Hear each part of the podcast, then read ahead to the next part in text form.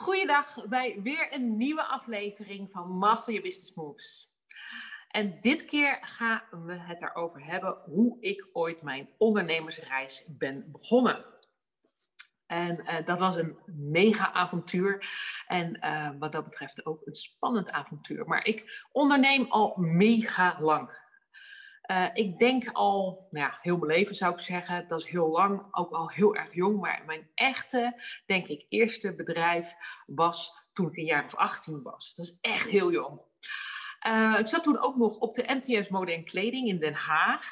En ik zag dat er heel veel even dames in die tijd. Ik was, ik was dus ook rond een jaar of 18 en dames met een jaar of 30, 35, 40. Die uh, toen wel naailessen wilden, uh, maar die niet konden krijgen. Um, ik was zelf al heel vroeg geïnteresseerd in uh, hoe je nou eigenlijk ja, kleding kon maken. En ik maakte zelf, denk ik vanaf mijn 12e, 13, 14e, ik kan me echt niet meer herinneren, maar al kleding voor klanten en daar werd ik ook voor betaald. Dus vaak zag iemand wat in de winkel hangen en zei ik wil dat en dat hebben en dan kon ik dat namaken. Best wel eigenlijk als ik terugdenk heel gek. Um, ik ging uh, na mijn uh, VWO en na mijn HAVO, ging ik dus naar de MTS Mode en Kleding. En um, ja, ik zag dus dat die dames nog steeds al die kleding wilden. Maar ja, ik was nu op school, dus kon niet alles meer maken. En toen ben ik eigenlijk begonnen en gestart met naailessen. En dit eigenlijk wil ik je al meegeven, was mijn eerste uh, ja, zeg maar, bedrijf waar ik me niet liet belemmeren door zaken, hoe ga ik dat nou aanpakken? Want ik had natuurlijk helemaal geen locatie. Uh, dus ik toverde eigenlijk mijn kamertje, mijn slaapkamer, om tot atelier. En ik weet nog goed, ik had natuurlijk zelf een naaimachine, omdat ik zelf veel naaide. En uiteindelijk uh, kocht ik twee tweedehands naaimachines, omdat ik vier mensen had, uh, zeg maar even in een les. En ik had, ik weet nog goed, ik had les op de dinsdagavond van 6 tot 8. En ik had een, les van 8 tot 10. En op woensdag had ik datzelfde. Dus ik had eigenlijk vier groepen. Dat is natuurlijk al best wel veel voor een jonge dame zoals ik toen. Uh, ik weet nog goed dat ik zelf extra verkopen ging doen. Uh, en ik reed dan zeg maar even met mijn vriend richting uh, Weesp. En daar haalden we dan, weet ik nog goed, schoudervullingen, knopen van dat band waar we rokken van maakten, van dat vlies.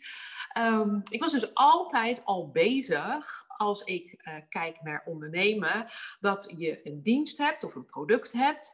Uh, en wat kan ik daarbij verkopen? Ik deed dat niet heel erg vanuit natuurlijk een strategie, want ik was daar toen helemaal niet mee bezig. Maar dat zijn wel, als ik achteraf kijk, mijn eerste lessen uh, als ondernemer om gewoon te starten en te gaan doen. Ik wist eigenlijk ook niet heel goed natuurlijk uh, wat daaruit zou komen.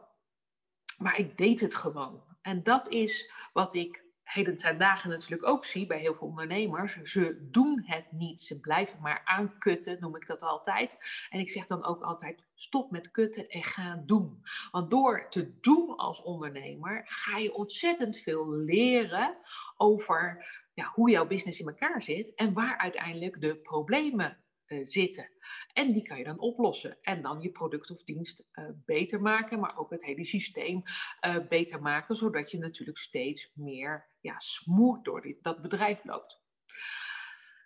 Ik vind het eigenlijk heel grappig. Want ik ben altijd dus gestimuleerd uh, door mijn moeder om echt dit ook te gaan doen. We zagen het ook helemaal niet als probleem. Het mocht ook allemaal. Ik mocht ook al die mensen maar thuis ontvangen als ik dat achteraf allemaal bedenk. Uh, maar het gaf me ook heel veel uh, direct hè, contact met mensen, waardoor ik ook heel makkelijk met mensen moest schakelen. Want ik moest natuurlijk ook letterlijk dingen uitleggen. Zelf zat ik toen ook nog op school. Dus zelf, kan je nagaan, was ik ook nog leerling.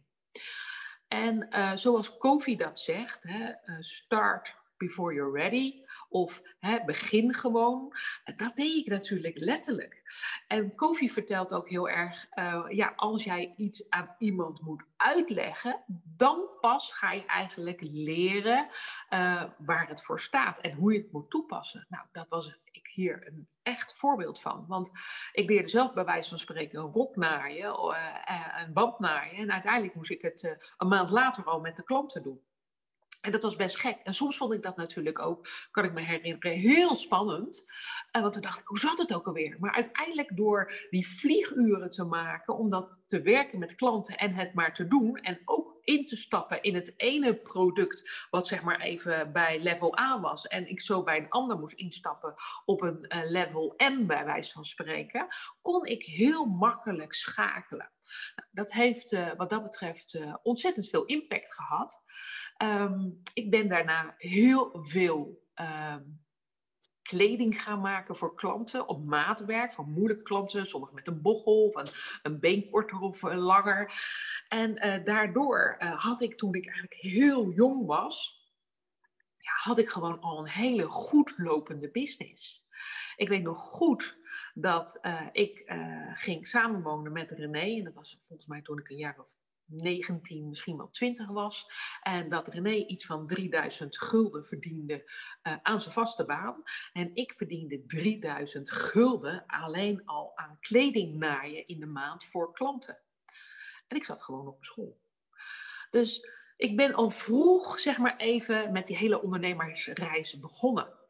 En ik liet me niet heel snel bang maken over dingen die niet konden. Ik deed het gewoon. En als iets niet lukte, dan vertelde ik dat de klant ook gewoon. Dus wat dat betreft was ik altijd al heel transparant in hoe zaken in elkaar zaten. Nou, uiteindelijk ben ik uh, nog, uh, zeg maar even, de modeacademie gaan doen. Uh, Montaigne in Amsterdam.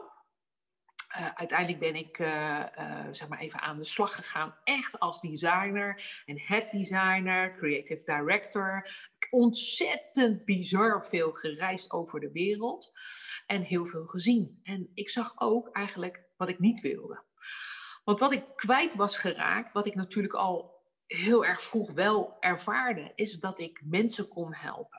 En mensen ook kon uh, blij maken om uh, ja, iets toe te voegen aan ze. En dat uh, ja, wilde ik onbewust weer heel graag. Kleding ontwerpen, jongens, is onwijs leuk. Ehm, je laat een stukje van je individu zien. Hè? Je doet dat met kleur of vorm of wat dan ook. wat heel tof was in die tijd natuurlijk dat ik ja, werkte met soort van productopbouw. Um, en ik heel goed wist welke prijs aan wat hing. En tot de dag van vandaag uh, pas ik dat letterlijk toe in mijn bedrijf, in mijn strategische besprekingen met klanten. Als jij producten maakt en als je diensten maakt, is daar dus altijd een soort opbouw van prijs in. Er moet ook een logische uh, productbouw met een logische opbouw zijn qua uh, ja, diensten of producten, wat bij elkaar past en wat een upsell en een downsell kan zijn. Maar ook die prijs moet goed kloppen. En um, het hele creatieve gedeelte dus, wat ik, uh, wat ik ja voor mijn ondernemerschap, mijn echte ondernemerschap uh, heb opgedaan, uh, dat gebruik ik gewoon nog dagelijks in mijn business. En daar ben ik dus ook heel dankbaar voor dat ik vaak alleen de wereld rond reisde, stoffen in ging kopen, gesprekken met leveranciers deed. Um, echt mensen in de ogen kon kijken. En dat vond ik eigenlijk ook het allerleukste uh, van die business. Met mensen om, om, omgaan. Ik weet ook nog goed dat ik voor een grote retailer ging werken. Ik heb bij een aantal private labels gewerkt en bij, een aantal merken. Daar was zeg maar even de designer altijd leading en uh, bepaalde hoe de collectie in elkaar zat, hoe de collectieopbouw in elkaar zat, hoe de prijzen in elkaar zaten. Wij uh, zeg maar even besloten welke stoffen het werden. En um, uiteindelijk ging ik werken bij die grote retailer. Wat leerde ik daarvan? Ik was toen eigenlijk ondergeschikt aan de inkoop. Ik leerde heel goed dat ik niet een, uh, zo'n ondergeschikte rol aan kan gaan. Uh, want ik wilde namelijk mijn stempel erop drukken. Ik wilde namelijk dat mijn visie werd uitgevoerd. Ik wilde namelijk dat um, het idee wat ik had en hoe je collectie ging opbouwen, dat dat werd gerespecteerd en dat we dat met z'n allen gingen doen. Nou, niets was daarvan waar. Um, als ik als één ding tegenviel, dan was het eigenlijk deze uh, baan uh, in deze, bij deze retailer.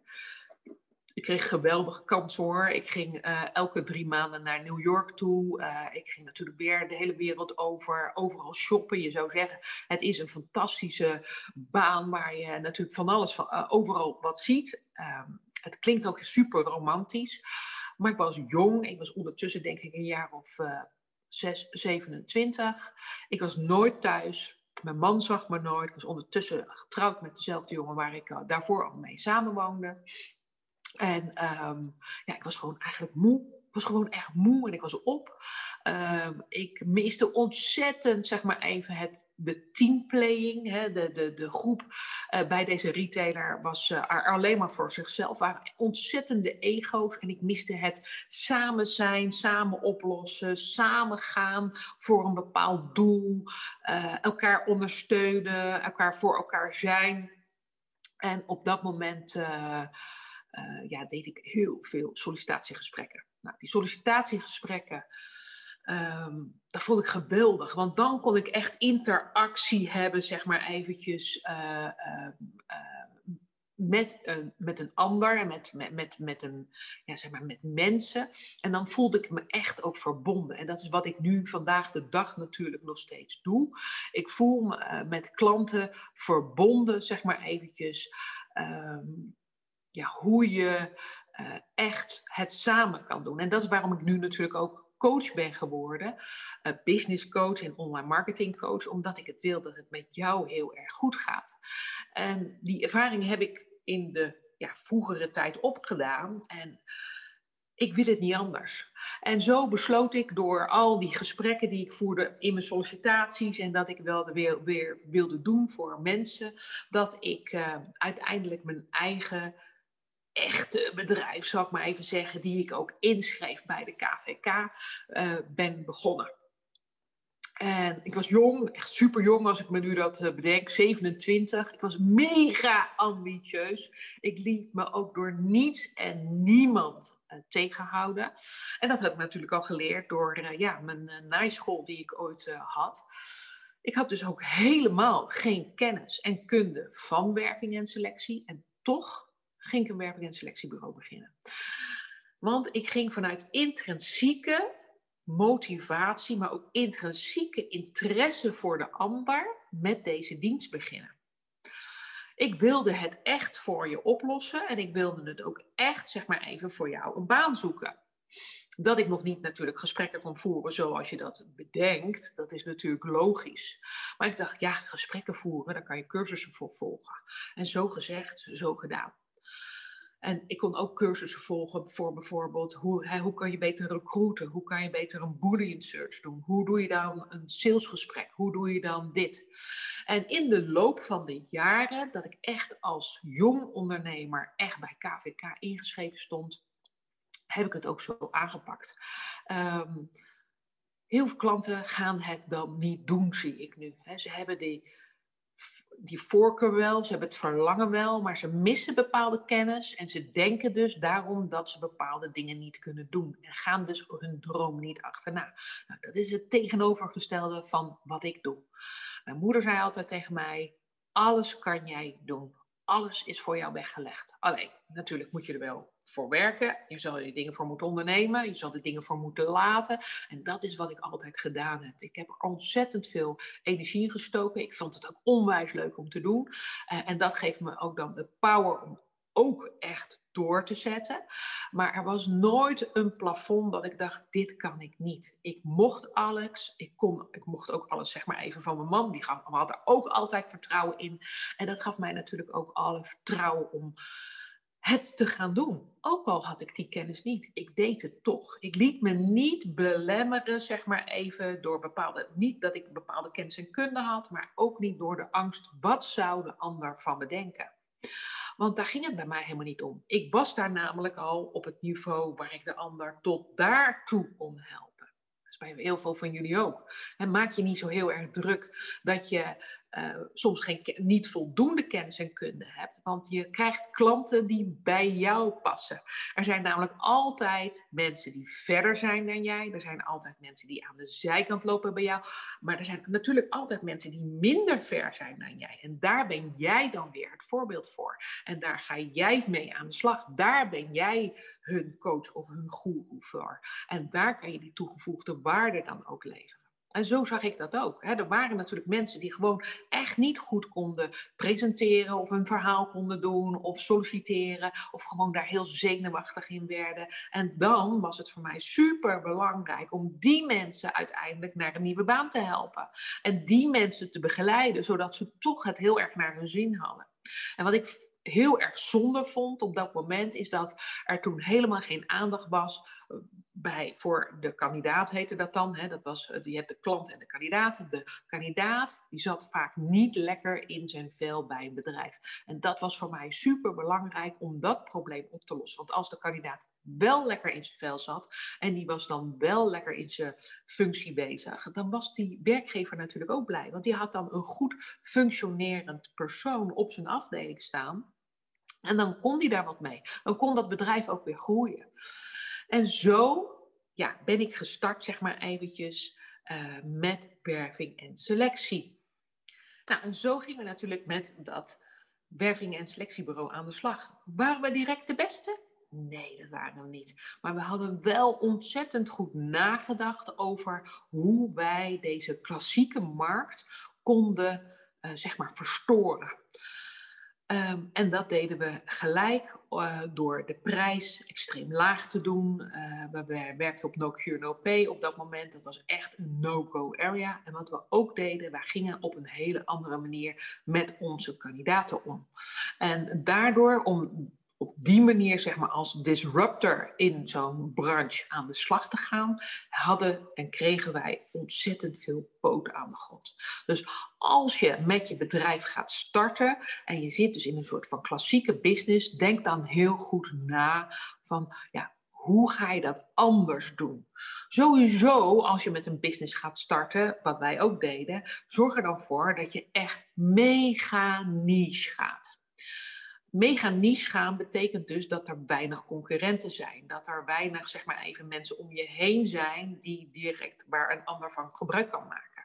Nou, en jij hebt altijd je, je speciale uh, combinatie nu ook in je huidige bedrijf, bijvoorbeeld als trainer of als coach of als designer of als kunstenaar of als schrijver of wat dan ook, waar jij mega niche in kunt gaan.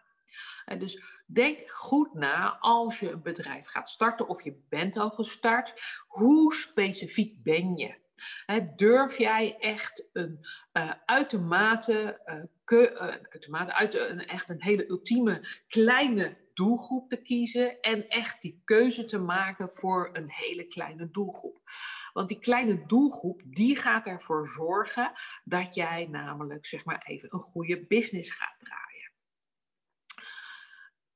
Heel veel ondernemers denken namelijk dat zij uh, een business moeten gaan opstarten in een hele grote branche. Nou, daar ben ik het helemaal niet mee eens. Ik denk als jij 100 betalende klanten krijgt, 100 goed betalende klanten, 100 fans, hoe je het wil noemen, 100 ambassadeurs, dan gaan die klanten constant bij je kopen of die zorgen voor mond-op-mond reclame of die zorgen ervoor dat jij ergens anders in een netwerk wordt uh, neergezet.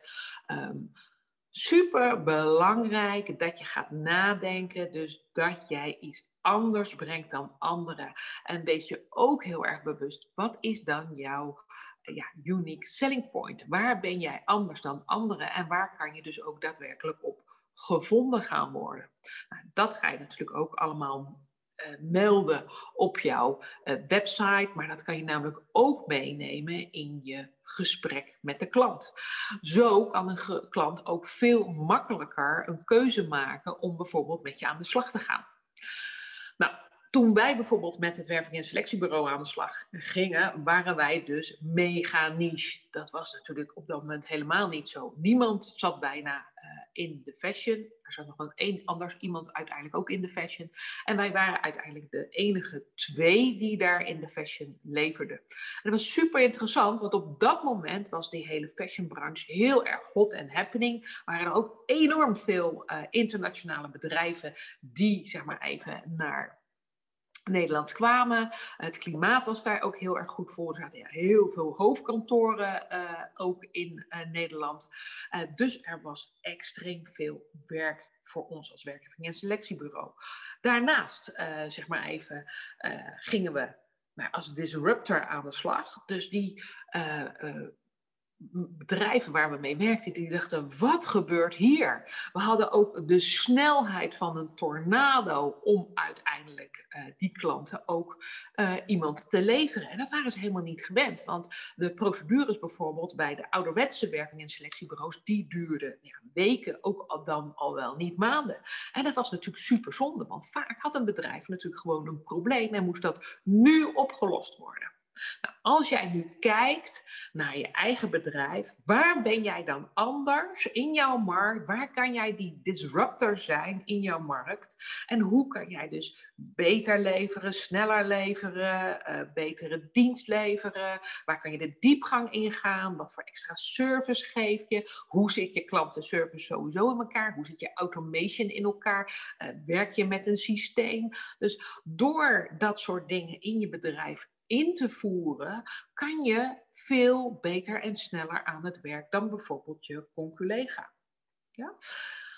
Conculega's of concurrenten zijn uiteindelijk ook, um, ook heel interessant dat je ze wel hebt. Waarom is dat zo? Omdat je uiteindelijk ook heel erg op scherp wordt gesteld. Wat doe jij? Hoe blijf je nou namelijk ook up-to-date in jouw organisatie? Uh, want anders ga je inkakken en inslapen. Als ik nu naar mezelf kijk, uh, ik, ben, uh, ik heb nu mijn bedrijf verkocht, uh, het werving- en selectiebureau, in 2019. En de afgelopen twee jaar ben ik meer als business coach aan de slag gegaan. Door het hele online ondernemen is er natuurlijk een ontploffing geweest van allerlei business coaches. Ik verbaas me daar vaak over. Het zijn vaak dames die één jaar werkervaring hebben of pas één jaar een bedrijf hebben. En uiteindelijk dan vertellen dat zij uh, een goed lopende business kunnen neerzetten. Nou, ik denk niet dat ze dan business coach zijn. Ik zie ze vaak meer dat ze dan marketing coach zijn, maar ze noemen dat dan ook business coach. Waarom? Omdat hele online business ontzettend hangt natuurlijk op, um, op marketing en online marketing. Maar als je echt een business wilt drijven, dan heb je meer nodig dan alleen online marketing. Dan zal je echt goed moeten kijken naar je verkoopapparaat. Uh, je moet goed kijken natuurlijk hoe zit je organisatie in elkaar. Hoe kan je dat verder automatiseren? Welke e-mailmarketing kan je erop toepassen? Uh, maar ook natuurlijk gewoon hoe ga je met een ander een gesprek aan. Hoe doe je dat één op één? Dat niet alles zal allemaal dadelijk online kunnen. En we, we, hebben nu een ontzettende vlucht in online. En dat begrijp ik heel goed. Ik wil niet zeggen dat we geen online moeten doen. Want ik ben er echt helemaal voor. Ik ben ook voor online ondernemen. Ik ben ook voor online programma's. Maar zo zit de wereld niet in elkaar. Het is niet alleen maar offline en online of dat we daar een keuze in moeten maken. Ik denk dat het namelijk gewoon en-en is. Hè? Dat zie je ook even terug als we naar vroeger kijken. Als we zeg maar even de webwinkels opkwamen. Dan was opeens de retail niks meer waard. Nou, zo zit het niet in elkaar. Het is namelijk de brick en de klik. Uh, alleen, je moet wel goed nadenken over hoe je dat vernielt. Er zal een nieuw jasje aangegeven moeten worden. Dus als je dan op een oude manier blijft ondernemen als retailer, ja, dan ga je dus wel naar de Filistijnen en ga je failliet, omdat je dus niet op de nieuwe manier, zeg maar, je klant meeneemt in je nieuwe proces. Die klant wil namelijk en en, die wil namelijk en shoppen, maar die wil wel een belevenis, die wil wat meemaken en die heeft, als hij geen tijd heeft, er ook heel erg zin in om op je webshop te kopen. Ja, en zo is dat natuurlijk ook uh, voor coaches en trainers. We kunnen nu allemaal online gaan, maar uiteindelijk is het natuurlijk en en. Sommige mensen willen gewoon eventjes bij jou zijn en in jouw ruimte zijn. En dan zal je de nieuwe manier van coachen moeten geven. En soms doe je dat online. Het ligt er maar net aan wat de behoefte is van de klant. Dus kijk heel goed als jij met je bedrijf nu bezig bent om het neer te zetten. Wat zijn de trends in de economie? Hoe verhoudt die zich naar jouw bedrijf? En als ik dan weer even terugga uit mijn ervaring en welke problemen ik bijvoorbeeld heb gehad toen ik 21 jaar het werving- en selectiebureau had. Dan kregen we natuurlijk ook op een gegeven moment problemen. Want eerst was ik de disruptor, dus was ik heel erg vernieuwend en liep ik vooraan in de troepen. Maar na 21 jaar kan je je voorstellen dat we een oude economie waren en een oude, dat we oude troepen waren geworden, oud bedrijf waren geworden. En dat hebben we geweten. Want uiteindelijk ging ook voor ons natuurlijk de wereld veranderen. Ook bij ons kwam er een keer, bij wijze van spreken, niet bij wijze van spreken, er kwam natuurlijk gewoon een crisis. Nou, onze eerste crisis kwam in 2003. Maar omdat we de disruptor waren, hadden we daar niet zo heel veel last van. En konden we heel goed doorzetten met het bedrijf. We hadden al een nieuwe manier gevonden. En uiteindelijk kwam de tweede grote, vette dip in 2008. We hadden een bepaalde manier van werken en dat werkte tot die tijd supergoed. Alleen uh, toen gingen zeg maar even de grote banken in uh, eh, 2008, in augustus 2008 gingen down the drain. Gingen er een paar failliet. En wij hadden een portefeuille van 650 uh, eh, projecten. In één dag hadden we nog maar 300 projecten over. Dat betekende dus dat als er een crisis is, iedereen à la minuut ervoor zorgt dat zijn budgetten worden bevroren en dat uiteindelijk de opdrachten worden teruggetrokken. In zo'n situatie zitten we op dit moment natuurlijk ook met corona. Afgelopen maart kwam corona om de hoek kijken en uiteindelijk uh, gaan daar heel veel mensen verstijven. En ze denken, mijn god, wat gebeurt er nu? Ik hou nu even de hand op de knip. Alleen zo werkt het nooit. De mensen of die klanten houden niet voor altijd de hand op de knip. En zo was dat natuurlijk in 2008 ook. En zo is dat nu ook. Uiteindelijk zijn we ondernemers geworden om onze dromen na te jagen, om onze verlangens na te jagen, om meer vrijheid te ervaren, om winst te creëren, om uiteindelijk uh, impact te maken uh, op uh, je klanten en uiteindelijk dus op de wereld. Dus uh, in 2008 nou, sloot opeens al die projecten en zat ik met een team van 16 mensen uiteindelijk daar vast. We deden op dat moment een omzet van 2 miljoen. Uh, en je kan je voorstellen dat de omzet naar beneden zakte. En ik was niet blij. Uiteindelijk trok het uh, eind 2009 wat aan we bleven op dat moment wel in wat uh, eigenlijk gewoon doorzetten wat we altijd deden. We veranderden op dat moment de structuur en de manier van werken niet. Um, maar in 2010 kwam er een tweede dip, dat heette de W-dip. Uh, dat hadden wij als enige in Nederland, omdat wij uh, had iets met hypotheken te maken. En daarom kreeg Nederland een tweede economische dip. Ik weet wel dat we toen echt uh, die tweede dip bijna niet konden dragen. En ik echt enorme problemen had natuurlijk om mijn personeel aan te houden. Ik weet ook dat we twee locaties hadden. Uh, eentje in Leiden en één in Amsterdam. En ik zei op een dag: Oké, ik neem nu een besluit. En dat besluit nam ik onder hele grote druk. En ik wil je ook vertellen, als je als eh, bedrijf, als, als ondernemer, dus zeg maar even, soms het moeilijk vindt om besluiten te nemen, om verder te komen, want daar gaat het eigenlijk om. Zorg ervoor dat je een soort van funnel voor jezelf creëert of een fuik creëert, waardoor je het besluit moet nemen. Dan dwing je uiteindelijk het besluit af. Want als je in een tweede dip komt, de vacatures namen minder, ook weer verder af. En we moesten besluiten om gewoon een aantal mensen te laten gaan en hun contracten niet te verlengen. En dan kan je vertellen, dat was verschrikkelijk. We hebben met die mensen samen aan, aan een tafel zitten huilen, want het was verschrikkelijk om ze te moeten laten gaan ik moest toen ook een heel heftig besluit nemen. En ik moest één ook van de kantoren de huur opzeggen. Anders zouden we gewoon niet overleven. Mijn man uh, was financieel directeur van onze organisatie. Die zei van Sino, wat heb je in godsnaam nu gedaan? Ik zei, het is nu of nooit. De huur was, ik kan me daar nu gewoon niet meer bij voorstellen. Maar het was meer dan volgens mij 55 tot 6000 euro in de maand. En dat ging alleen maar op aan huur. Op dat moment om te overleven met die organisatie, zijn wij toen al hybride gaan werken. We zijn toen al gestopt met het werken uh, met een server. We zijn uh, op Google toen al gaan werken. Uh, we zijn toen al op verschillende locaties gaan werken, op verschillende tijden gaan werken. en in Amsterdam hadden we dan nog één locatie, maar met tien mensen was het natuurlijk veel te klein. En konden we daar gewoon ook allemaal niet zitten. We werden dus gedwongen door de situatie om ons aan te passen. Uh, ja, om ons aan te passen. Was geen leuke tijd op dat moment, geloof me. Maar ik moet je eerlijk zeggen, als ik nu terugkijk als ondernemer, was het wel mijn mooiste tijd. Want ik heb er bizar veel van geleerd. Echt bizar veel van geleerd. Je leert namelijk beslissingen nemen onder druk.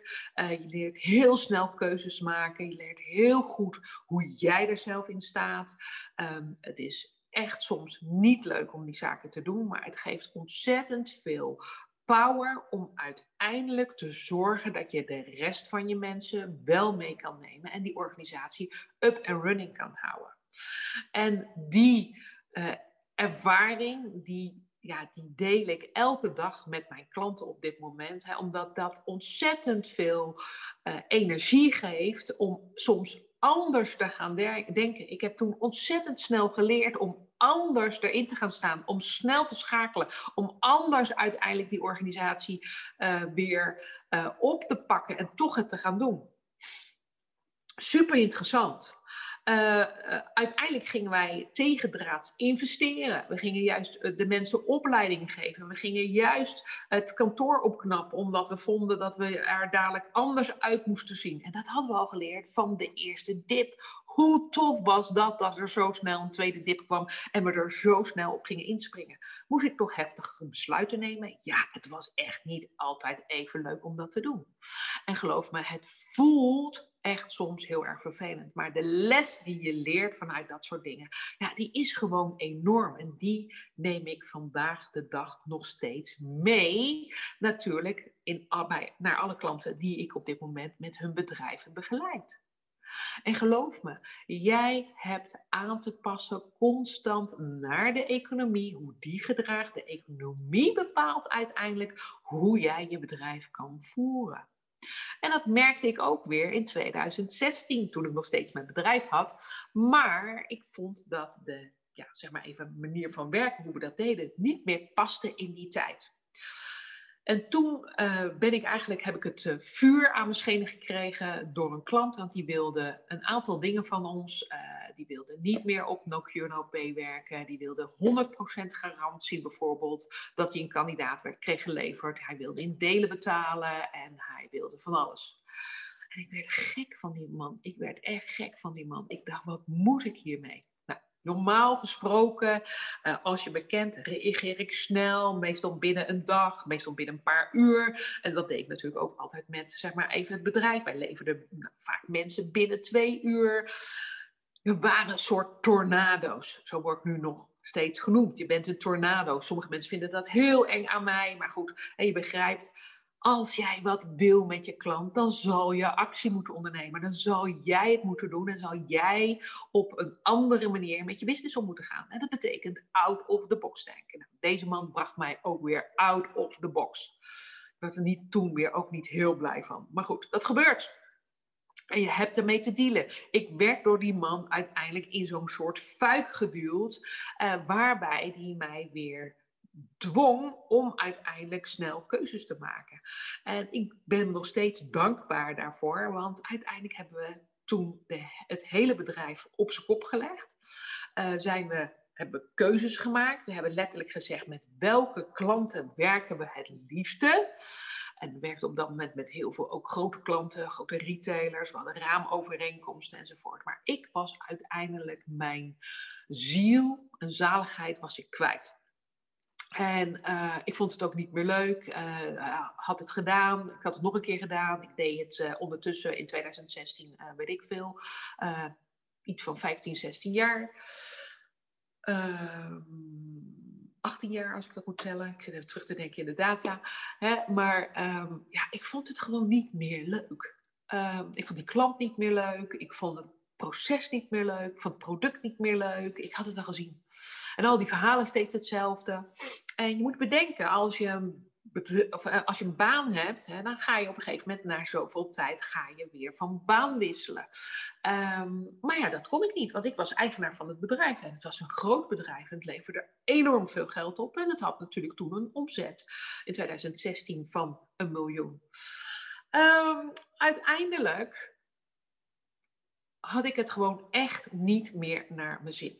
Maar deze man gaf me wel uiteindelijk de ja, weer spirit om er anders over na te denken. We gooiden het bedrijf om. We hebben gekeken naar de ideale klant. We hebben van klanten afscheid genomen. En we hebben speciaal gekozen weer voor kleine klanten, omdat ik de, daar die toegevoegde waarde kon zijn. En ik daar echt weer mijn passie uh, en mijn hart in kon leggen om die ander te helpen. En dat is wat ik sinds de dag van vandaag nog steeds super belangrijk vind. En al mijn jaren daarvoor ook. Maar ik was het even kwijtgeraakt. Want hoe groter zo'n bedrijf wordt en je gaat zeg maar even groter worden met je team, dan ga je dus ook geleefd worden heel vaak door een aantal mensen, uh, door je teamleden, maar ook door je klanten. Ze willen van alles van je. En omdat je natuurlijk zoveel mensen uh, gewoon salaris te betalen hebt, ga je ook hier en daar wel eens over de schreef en ga je dingen doen die je niet leuk vindt. En dat wil ik jou meegeven. Als les, is dat blijf heel dicht bij jezelf. Ik ben me op dat moment mezelf echt verloren. Uh, ik zat, uh, denk ik, daarvoor in een burn-out en daarna in een bore-out. Dus ik was dan verveeld.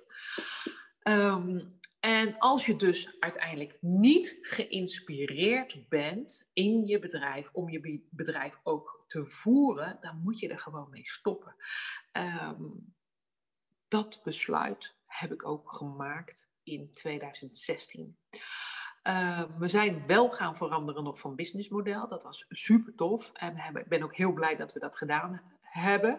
Want het heeft me natuurlijk heel veel geleerd. Hoe zet je dan weer een nieuw businessmodel uh, van eigenlijk wat no cure no pay is naar direct betaald is, direct in de markt. Dat is ons heel goed gelukt. Uh, maar uiteindelijk bleef natuurlijk de klant hetzelfde, de dienst bleef hetzelfde uh, en was ik nog steeds verveeld. Ik heb toen besloten om er mee te stoppen. en uiteindelijk wilde ik het bedrijf verkopen. Um, je gaat eigenlijk je kind verkopen. Dat is natuurlijk heel erg raar en heel vreemd als je dat echt besluit. Maar ik moest echt een besluit nemen en kiezen voor mezelf, omdat ik gewoon niet goed meer in mijn vel zat. Uh, iedereen dus van baan kon wisselen en ik niet van baan kon wisselen. En toen dacht ik, ja, wat is dit voor onzin? Ik bedoel, ik zit niet voor eeuwigheid natuurlijk aan mijn bedrijf vast. Uh, ik kan het ook loskoppelen van mij. Um, ben in gesprek gegaan uh, met een aantal grote werving- en selectiebureaus, uh, waaronder in uh, New York. Um, dat was het grootste werving- en selectiebureau in fashion van de wereld. Nou, dat was geweldig. Um, veel gesprekken gevoerd in, met, met de eigenaren. in, in, we deden het gesprek veel al online, maar het was mind-blowing natuurlijk, hoe je dan in een ander proces al terechtkomt. En dat maakte mij zo bewust dat het zo tijd was om iets anders te gaan doen, omdat je al heel erg strategisch over die verkoop, of met de verkoop bezig bent, het ook aan het voorbereiden bent. En je, ja, ik werd weer helemaal uh, energiek van eigenlijk iets nieuws leren. En dan wil ik je tussendoor graag wat vertellen over wat ik toen bij mezelf ben tegengekomen. Ik wist niet, zeg maar even, en daardoor was ik mezelf kwijtgeraakt, wat belangrijk voor mezelf is. Of was, maar is nog steeds. Ehm, en uiteindelijk ben ik toen zelf ook naar een aantal coaches gegaan, onder, onder, eh, onder andere naar uh, Tony Robbins. En hij vertelde mij dat een mens zes needs heeft. En die needs, dat is zekerheid, certainty, uncertainty, dus variatie, significantie uh, en um, liefde. Dan heb je er nog twee en dat is um, groei en contributie aan de wereld. Nou, hij zei, je mag er uit die vier mag je daar uh, één kiezen die belangrijk voor je is. En uit die twee mag je daar één kiezen. Want die needs, elk mens op deze wereldbol heeft een need, heeft twee needs, basis, hoofdniets. Iedereen hebben, hebben ze allemaal nodig, geloof mij. Maar je hebt er twee op waar jij het beste op gaat. Nou, als ik kijk voor mezelf, waar ga ik het beste op? Dat betekent, ik wil heel significant zijn. Ik zie ook vaak significant eruit. Ik heb een oranje jasje aan of ik heb iets gekleurds aan of ik val op. Ik wil gezien worden en ik wil daar ook die erkenning in. En ik vond dat best wel eigenlijk heel heftig om dat uh, uit te vinden. Want ik dacht, oh, ik zou graag voor liefde willen gaan. Dat zou ik ook nog steeds wel willen. Maar diep in mijn hart wil ik dus voor erkenning en significantie zijn en mezelf laten zien. En ik heb daar gewoon ook heel eerlijk in te zijn natuurlijk. Dus um, je kan wel graag wat willen, maar wie ben je echt? Waar sta je echt voor? En als ik kijk naar mijn hele vriendenkring of hoe ik doe of hoe ik ook nu coach bijvoorbeeld. Als ik zeg stop met kutten, dat is redelijk significant. Ik ben heel erg duidelijk en ik ben ook heel erg aanwezig daarmee. Dus um, daarmee creëer ik ook heel duidelijk mijn eigen doelgroep. Want niet iedereen zou dat fijn vinden. Niet iedereen vindt het fijn als je dit soort grof taal uh, gebruikt. Dus dat betekent daarmee dat er ook heel veel klanten afvallen. Op dit moment vind ik dat helemaal oké en helemaal prima. Omdat ik ook maar met een hele kleine groep klanten wil werken die echt bij me passen. En waarbij ik natuurlijk dan ook daadwerkelijk de toegevoegde waarde ben. Verder leerde ik dat ik echt wil leren. Je wil constant leren. Dat betekent dus dat groei uit het andere blokje, uit de andere twee waar ik uit mocht kiezen, voor mij super belangrijk is. Als ik niet groei, loop ik namelijk vast. Uh, ga ik me vervelen? Ga ik zeg maar eventjes, kom ik in die bore-out? En dat nooit weer. En dus nadat ik hier achter ben gekomen, weet ik dus ook voor mezelf dat ik elk jaar twee tot drie trainingen wil volgen, zodat ik ook verder kom. Zodat mijn bedrijf verder komt, maar voornamelijk dat ik verder ga komen. Want uiteindelijk heb ik een bedrijf voor mijzelf. Het bedrijf moet in, er voor mij zijn wat ik veel nu bij jullie zie gebeuren, bij ondernemers, is dat jullie hier helemaal gek werken voor je bedrijf. Je werkt eigenlijk voor je klanten, je bent in dienst bij je bedrijf en dat het bedrijf heel weinig voor jou oplevert. En als je met mij in coaching gaat, dan wil ik je laten zien dat het bedrijf voor jou zou moeten gaan werken en niet andersom. Het bedrijf is er voor jou, om jou te ondersteunen, om jou een mooi leven te geven, om jou iets te leren, om jou hè, mee te nemen op jouw levenspad. Denk daar maar eens over na. Dus de vraag is, als jij succesvol ondernemer wil worden, net zoals ik dat ben, wat zijn dan jouw needs? Wat heb je echt nodig? Kijk naar certainty, uncertainty, variatie, significantie, uh, liefde. Kies daar er één uit. Of kies uit en kies extra uit groei en uh, contributie aan de wereld. Voor mij zijn is het heel duidelijk waar ik voor sta. En ook daarom zou ik ook eerlijk moeten zijn en open naar, naar mezelf. Want als ik het niet naar mijn zin heb, kan ik namelijk ook gewoon mijn klanten niet helpen. Het gaat erom dat ik eerst goed in mijn vel zit en weet wat ik wil, voordat ik die klanten namelijk naar het volgende level kan brengen. Dus, en als ik dan terugkijk naar heel mijn carrière als ondernemer, wil ik je meegeven dat ik altijd ben gestart zonder er altijd een heel heftig plan aan te hangen. Ik ben gestart door te doen. Ik stopte met kutten en ik ging daadwerkelijk het doen. En viel ik vaak op mijn snavel. Ja, natuurlijk ben ik op mijn snavel gevallen. Ik ben mega vaak op mijn snavel gevallen. Uh, want zonder vallen kan je niet leren. Dus je hebt dat proces ook echt nodig. Dus je hoeft ook helemaal niet te verstijven als je het spannend vindt om een keuze te maken, om een angst te hebben, om een belemmering te hebben.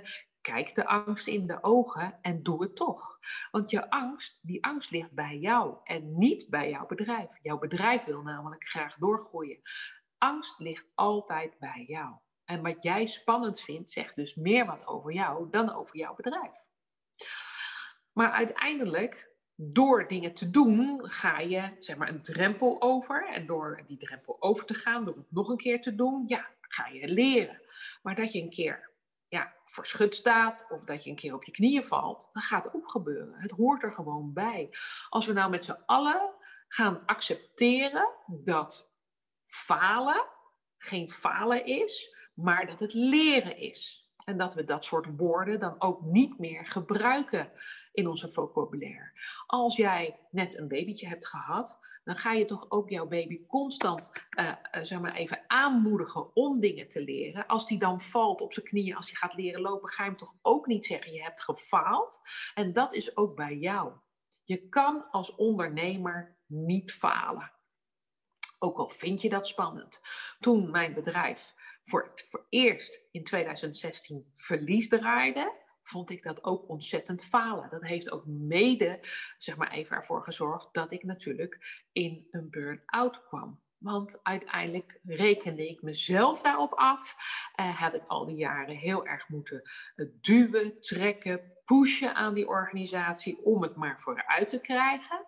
En uh, toen ik in die burn-out zat en toen ik eigenlijk uiteindelijk in die, hè, dat we verlies, verlies draaiden dat jaar, toen ben ik echt letterlijk naar mezelf gaan kijken. En toen dacht ik, Francina, hoe kan het nou dat jij je zo voelt? En wat heeft het je nou opgeleverd? En als je nou wel blij was, um, ja, hoe gaat het? Hè, hoe ga je er dan mee om? En op, uiteindelijk heb ik toen besloten uh, dat ik ervoor kies, bewust, om blij te zijn. Omdat ik er bewust voor kies om uh, gelukkig te zijn. Dat ik er bewust kies voor om zeg maar even klanten te helpen.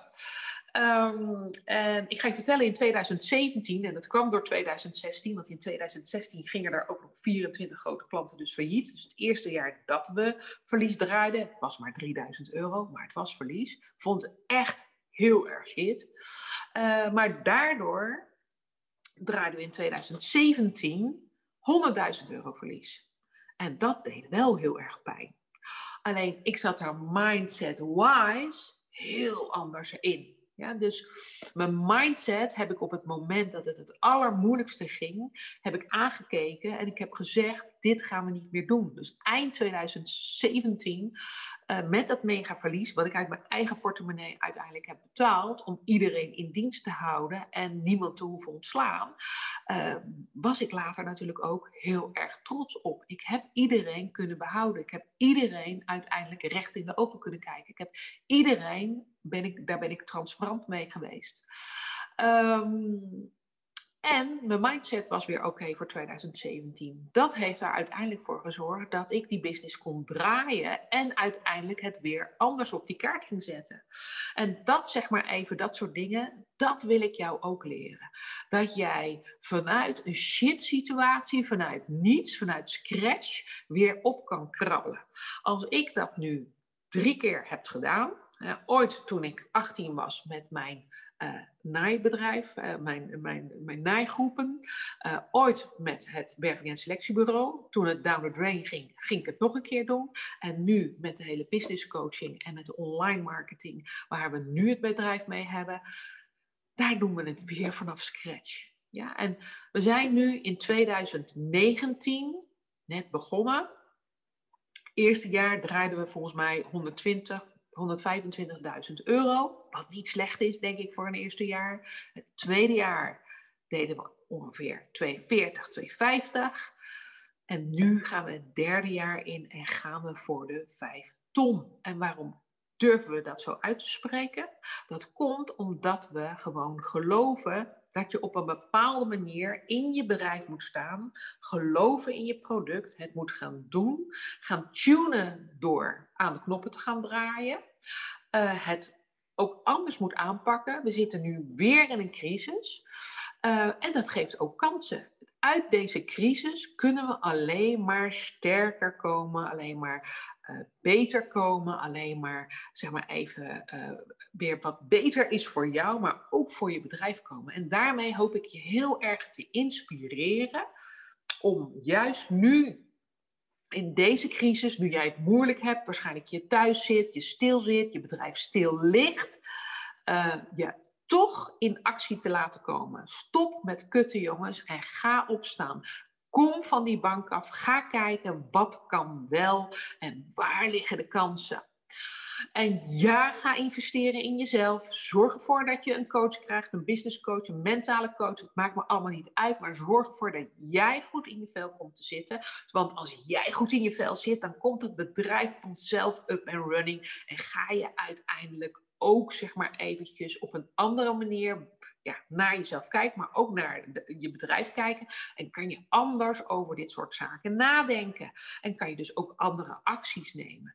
Dat bedoel ik met het gewoon te gaan doen. Stop met zeuren, stop met zeiken, stop met iedereen de schuld geven. Ga kijken wat kan wel. We zitten allemaal vast, ook ik, je buurman ook en iedereen zit vast. En toch zijn er ondernemers die op dit moment hun show ervan maken. En dat wil ik met jou ook. Maar dan heb je echt stappen te nemen.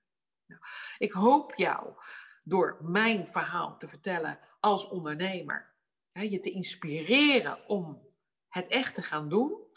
Mijn leven en mijn bedrijf is ook niet zomaar uh, gestart en zomaar, zeg maar eventjes, uh, uh, het is mij ook meer niet toekomen vallen.